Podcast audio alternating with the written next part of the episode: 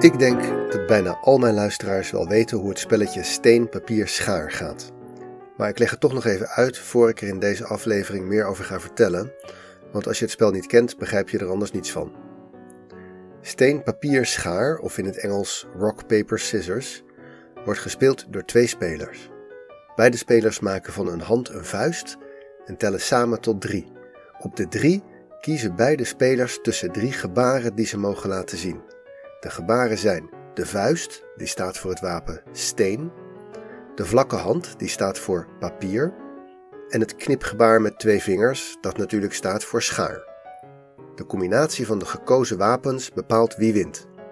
Steen wint van schaar, papier wint van steen, schaar wint van papier.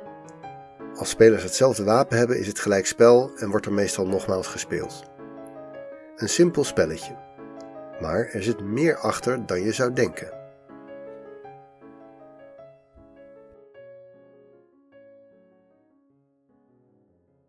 In 2005 besloot de baas van het Japanse elektronica-bedrijf Maspro Denko om de kunstverzameling van het bedrijf te gaan verkopen.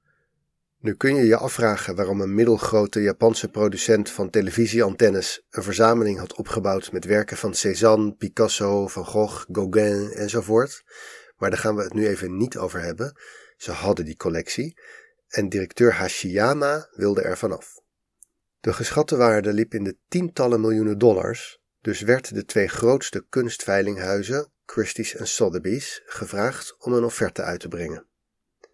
Beide partijen kwamen met een goed voorstel voor de aanpak van de veiling, hadden vergelijkbare verwachtingen voor de opbrengst en vroegen een vergelijkbare vergoeding.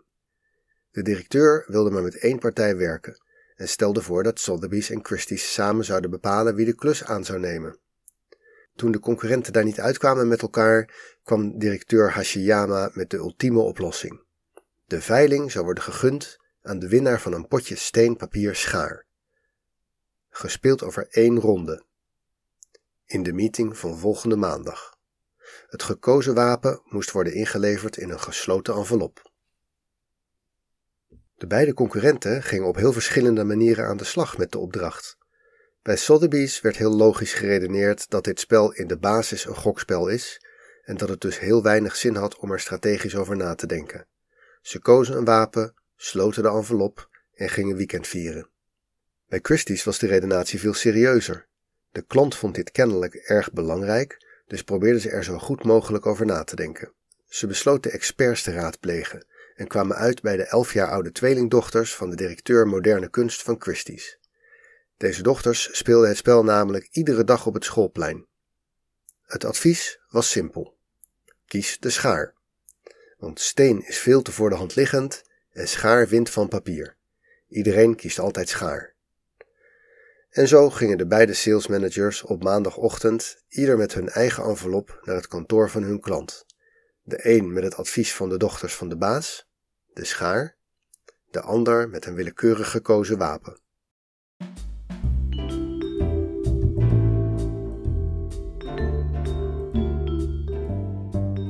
Zo vreemd is het niet dat in Japan een topmanager besluit om een lastige keuze te maken door steenpapier schaar te spelen.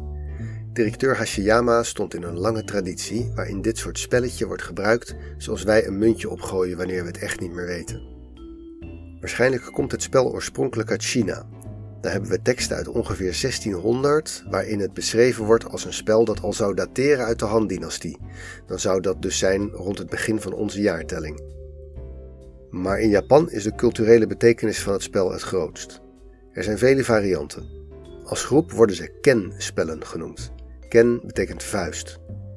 Of ook wel Sansukumi-ken.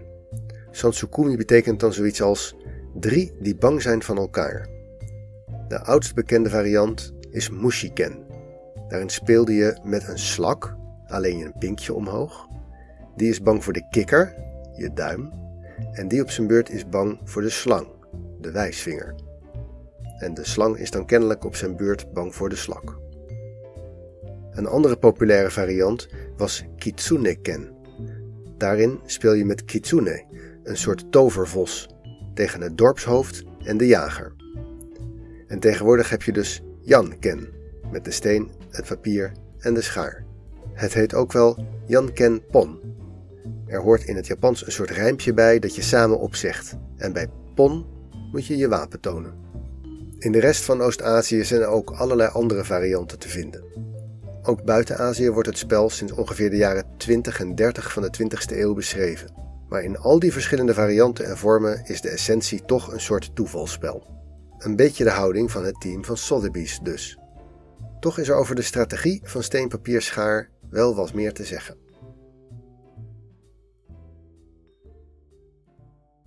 Laten we één ding vooropstellen. Als je zelf een volkomen willekeurige keuze maakt voor een wapen, heb je precies 50% kans om te winnen. En 50% kans om te verliezen.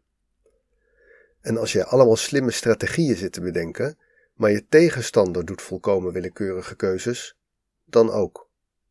Je zou dus kunnen zeggen dat het team van Sotheby's groot gelijk had om er verder niet over na te denken. Alleen zijn mensen niet zo goed in het maken van een willekeurige keuze. Daarvoor kunnen we beter een dobbelsteen gooien. Als mensen zelf proberen een willekeurige keuze te maken, schijnt hun psychologie er toch doorheen. En steen, papier, schaar wordt pas een strategisch spel als je tegenstander niet willekeurig kiest. Kijk maar naar de redenatie van de dochters van de directeur van Christie's. Steen is veel te voor de hand liggend, dus kies voor schaar, want die wint van papier. Daar wordt een heel aantal stappen vooruit gedacht. Steen is voor de hand liggend omdat het sterk, krachtig klinkt misschien. Maar als iedereen steen kiest, wordt het voor ons weer slim om juist iets anders te kiezen. Bijvoorbeeld papier, want die wint van steen. Met dat soort redenatie kan je natuurlijk eindeloos doorgaan, dus uiteindelijk brengt dat je nergens. De redenatie van de meisjes snijdt volgens mij ook geen hout. Ze zeggen zelf: iedereen kiest altijd schaar. Dan moet je dat dus juist niet doen, zou ik zeggen. Uiteindelijk lijkt de strategie van steen, papier, schaar een beetje op poker. Je tegenstander speelde net papier en hij won. Misschien doet hij dat dan nu weer en zou jij dus schaar moeten kiezen. Maar dat snapt hij natuurlijk ook, dus kiest hij misschien juist steen tegen jouw schaar. Dan kan jij dus weer beter papier kiezen, enzovoort. Het is een bluffspel dat draait om het inschatten van hoeveel zetten vooruit de ander denkt. Er is wel serieus onderzoek gedaan naar de menselijke psychologie in dit spel en welke patronen daarin te zien zijn. In de show notes staat een link naar zo'n artikel. Daaruit blijkt dat mensen inderdaad de neiging hebben om een winnende zet te herhalen. En ook dat als ze twee rondjes achter elkaar verliezen, dat ze dan juist vaker wisselen dan random. En dan met name naar het wapen dat zou winnen van het wapen waarvan ze het laatste rondje verloren. Daar kun je natuurlijk gebruik van gaan maken en zo proberen om meer dan 50% van de rondjes te winnen. Maar dat werkt natuurlijk alleen zolang als de tegenstander dit niet weet. Als beide spelers dit weten, wordt het weer gewoon zo'n beginpunt van de vraag hoeveel stappen vooruit je tegenstander denkt. Er worden ook echte kampioenschappen gehouden in steenpapier schaar. Daarbij zijn er wel degelijk mensen die structureel hoog scoren. Die zijn vooral goed in het uitbuiten van psychologische zwaktes van hun tegenstanders. Ze kijken goed naar patronen in het speelgedrag van de ander. Sommige spelers vinden het bijvoorbeeld moeilijk om vaak achter elkaar hetzelfde wapen te trekken. Daar kan de ander dan gebruik van maken. Een andere truc is om vlak voor je je wapen toont heel hard steen te roepen, in de hoop dat je tegenstander daarvan in de war raakt. Ook zijn er spelers die heel goed kijken naar de beweging van de hand van de ander. Voor het spelen van steen kan je je hand in dezelfde houding blijven houden, terwijl je voor schaar en papier moet bewegen. Als je heel lang wacht met kiezen, kan je misschien al iets aflezen aan de beweging van de ander. Er wordt natuurlijk ook hard geprobeerd om robots en computerprogramma's dit soort toernooien te laten spelen. Er is een robot die altijd wint van mensen, omdat hij met een high-speed camera is uitgerust en heel snel kan herkennen wat voor beweging jij met jouw hand maakt. Dan kiest hij snel het wapen dat daarvan wint en speelt dat zelf. Heel oneerlijk. Iets interessanter zijn competities waarbij je een programma moet inleveren dat tegen andere programma's kan spelen. Ik voeg een link naar zo'n competitie toe aan de show notes. Het interessante daarbij is dat iedereen probeert om iets slimmers te maken dan willekeur. Een willekeurig wapen spelen is voor een computer heel makkelijk en behaalt tegen iedere tegenstander een winstpercentage van 50%. De topscorer in deze competitie scoort ongeveer 80% overwinningen. Dat betekent dat andere programma's vaker dan 50% moeten hebben verloren. Daar zit ergens een belangrijke les. Je kan dit spel eigenlijk alleen verliezen als je probeert slim te zijn. Nou, juist dat feit, dat het nauwelijks zin heeft om erover na te denken, maakt het in de ogen van Japanners de perfecte manier om te kiezen tussen twee willekeurige alternatieven.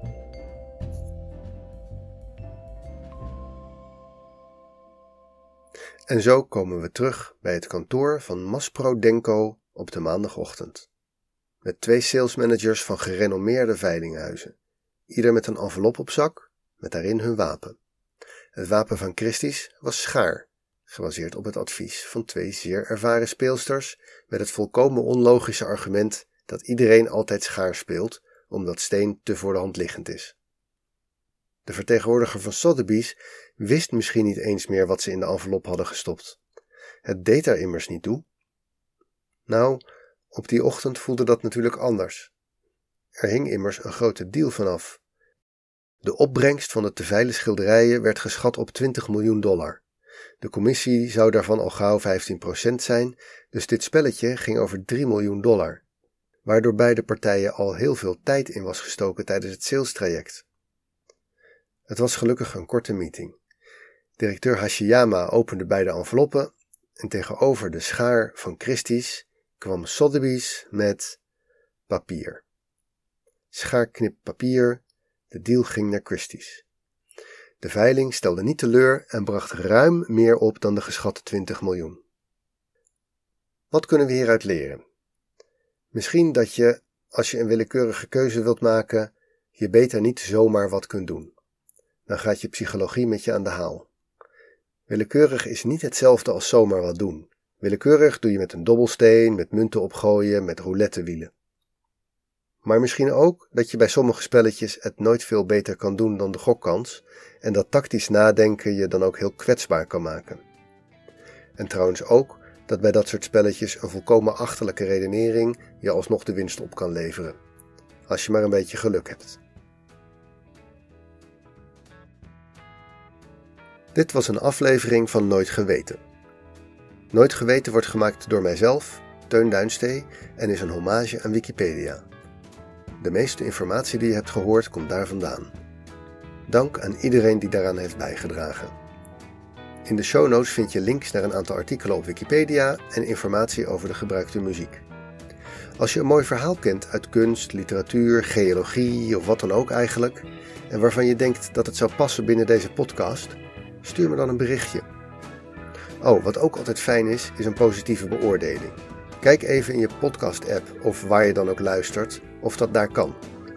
Ook in verbeterpuntjes ben ik trouwens altijd geïnteresseerd, maar die krijg ik het liefst per e-mail.